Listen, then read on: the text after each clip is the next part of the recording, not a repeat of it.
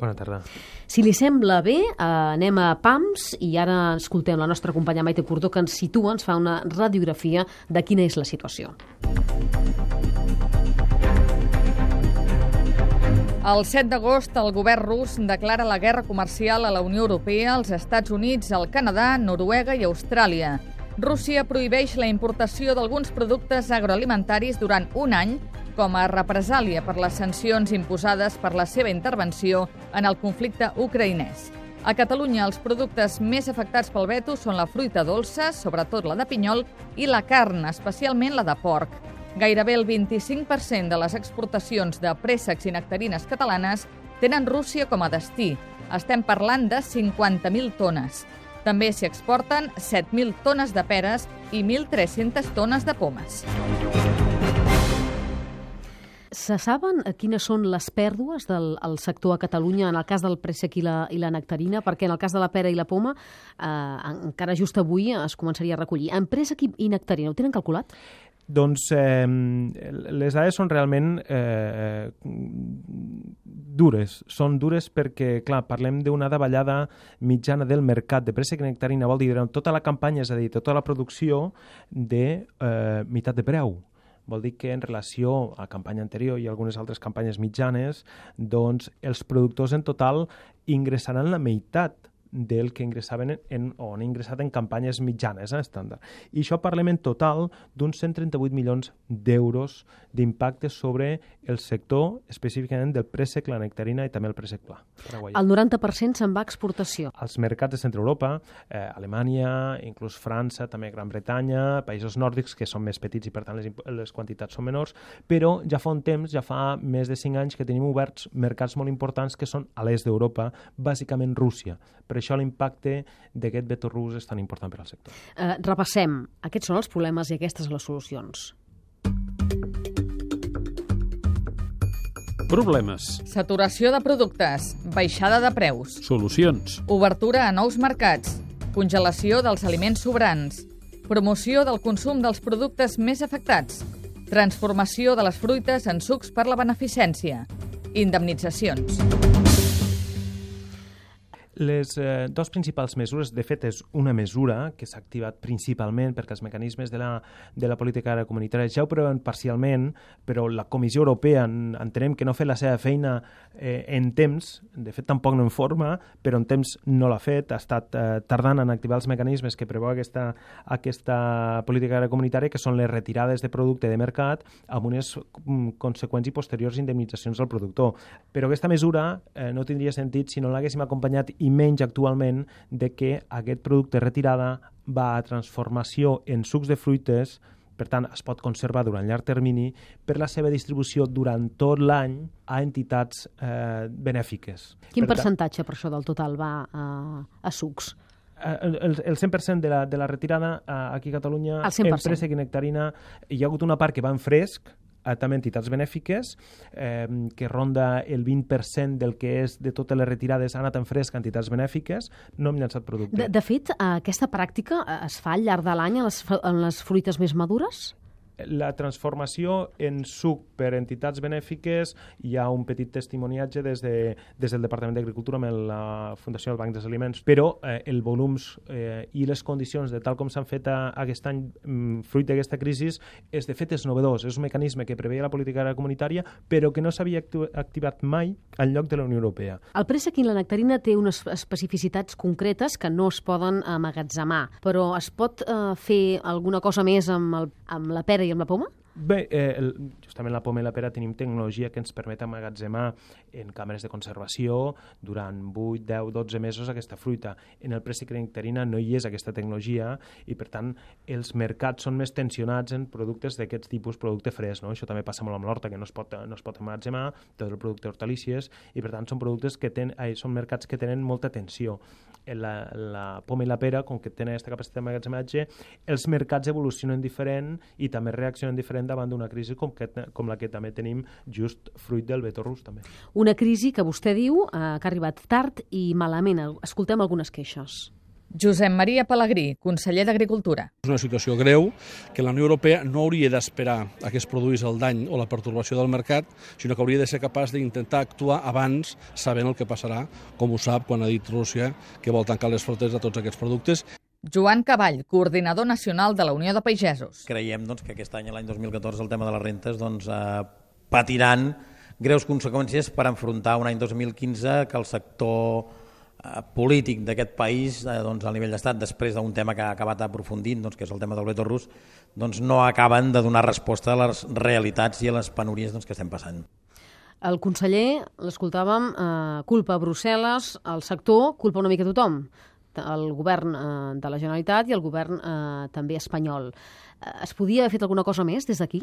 Hem de tenir en compte que estem a marc de la política agrocomunitària i els instruments de la política agrocomunitària justament i més els de regulació de mercats no estan en mans de l'administració de la Generalitat de Catalunya, sinó que són polítiques europees, bàsicament.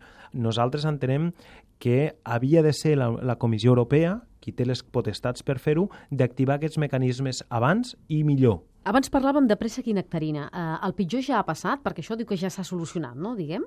S'ha acabat la campanya. La, la, la crisi l'hem tingut, Però almenys s'ha no, viscut... sumem, no sumem més fruita acumulada. No, perquè la, la producció, diguéssim, que la campanya està, està gairebé, gairebé, gairebé esgotada del tot, acabada la, la, la recol·lecció de la fruita i la seva comercialització. Per tant, el pitjor ha passat, pregunto, del veto rus?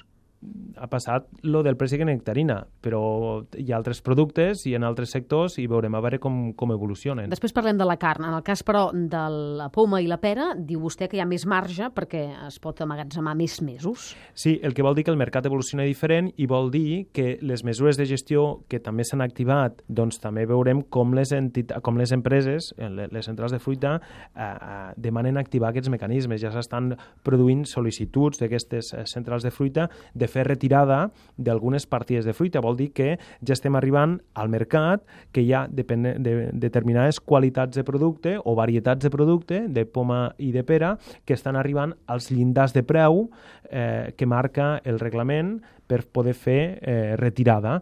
Es pot calcular aproximadament eh, de quan pot ser el descens de preu de la poma i de la pera? Si ens cenyim a les dades, a, a, a l'import que preveuen els reglaments europeus per poder fer retirada, parlem, oscil·lem entre un 20-30% eh, de pèrdua, de davallada del preu respecte a mercats eh, a, a, a, a campanyes eh, mitjanes.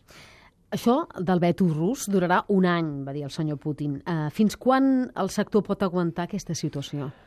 Doncs un any és molt temps per a aquest sector. Pel sector alimentari, Rússia representa un 3,8% de les vendes del sector alimentari. Pot semblar una xifra baixa, però com deia, l'impacte és indirecte i ens estem preocupats per, eh, per, pels altres sectors. I, a més, s'hi podria afegir eh, encara un altre problema de futur, perquè, clar, Rússia, mentrestant, s'està vestint en producció interna, però també està comprant a d'altres llocs on no, no hi té veto, l'Amèrica Llatina, el Marroc, Turquia.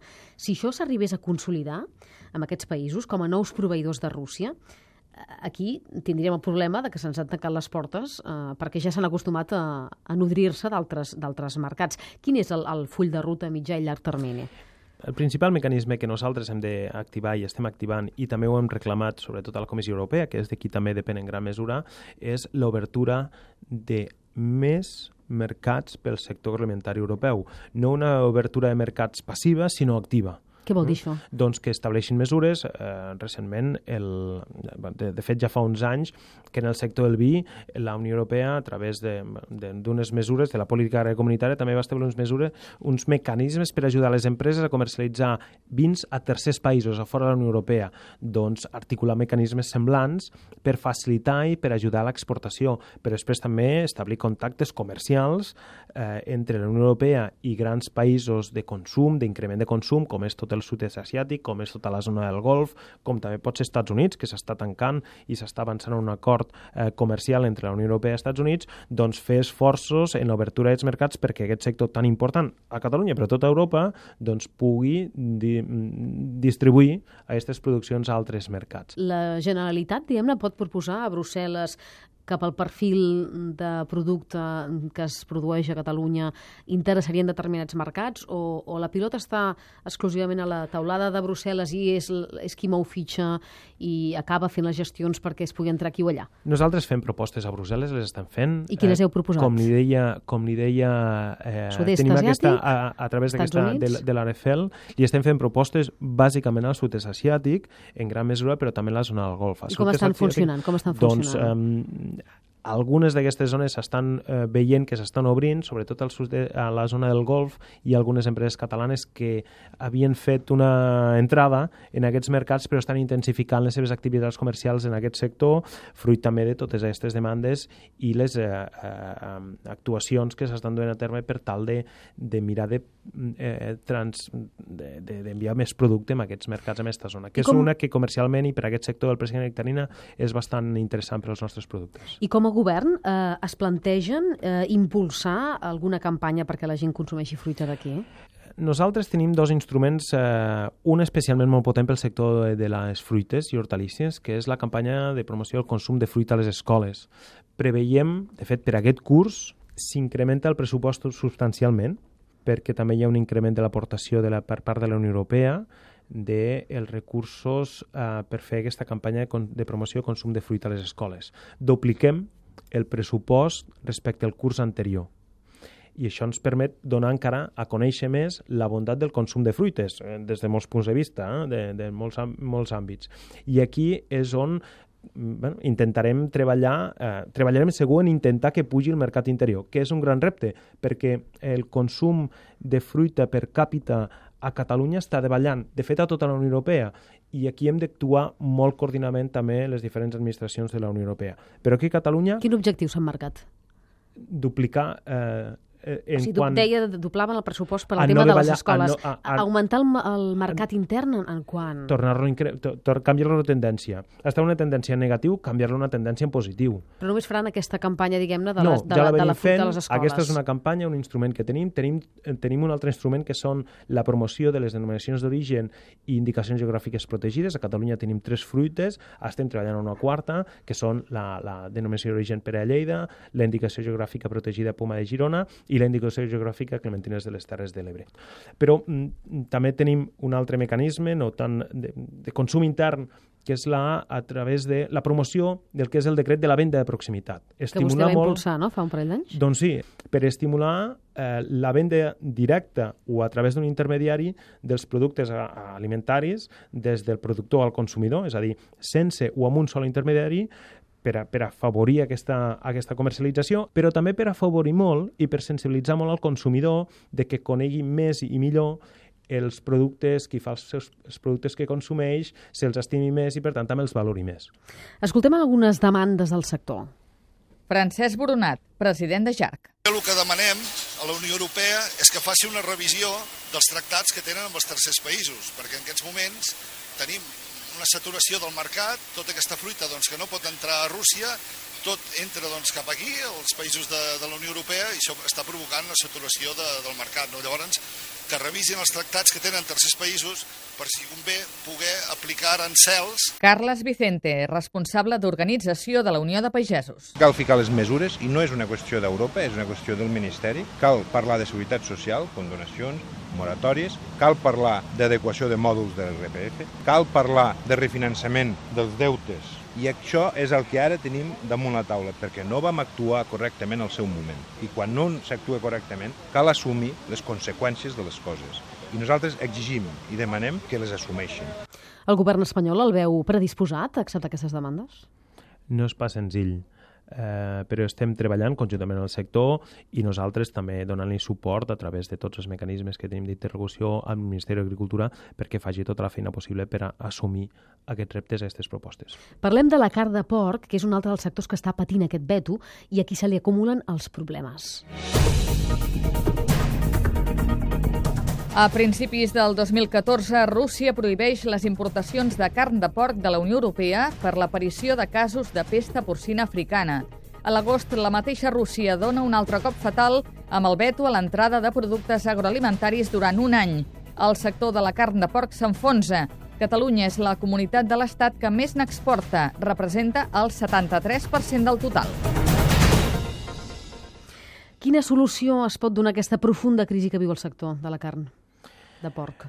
No és pas senzill perquè, perquè tenim un sector um, amb molta orientació a l'exportació. El sector porcí és un gran puntal de l'economia catalana, amb tota la seva cadena, producció primària, transformació, primera transformació, segona transformació, i la veritat és que eh, és ben complicat. La política comunitària també preveu mecanismes que són l'emmagatzematge privat de carn eh, i aquestes mesures, quan arribi les condicions de mercat, doncs eh, s'activaran. No estan activades preveu, encara. Perquè les condicions de mercat encara no han comportat. Això què vol dir? Que el sector no ha demanat? Eh, bàsicament que el llindar de preus eh, al qual s'ha d'arribar eh, que ens sembla que arribarem en breu, doncs eh, eh, no, no, no s'hi ha arribat encara. És a dir, la, la, la reglamentació preveu que a partir d'un llindar es pugui fer aquesta retirada, és un llindar de preus, es pugui fer aquesta retirada aquest magatzematge privat i encara no s'ha arribat. Però preveiem que s'hi arribi ràpid perquè estem vivint eh, les davallades més importants de preu, més accelerades, més ràpides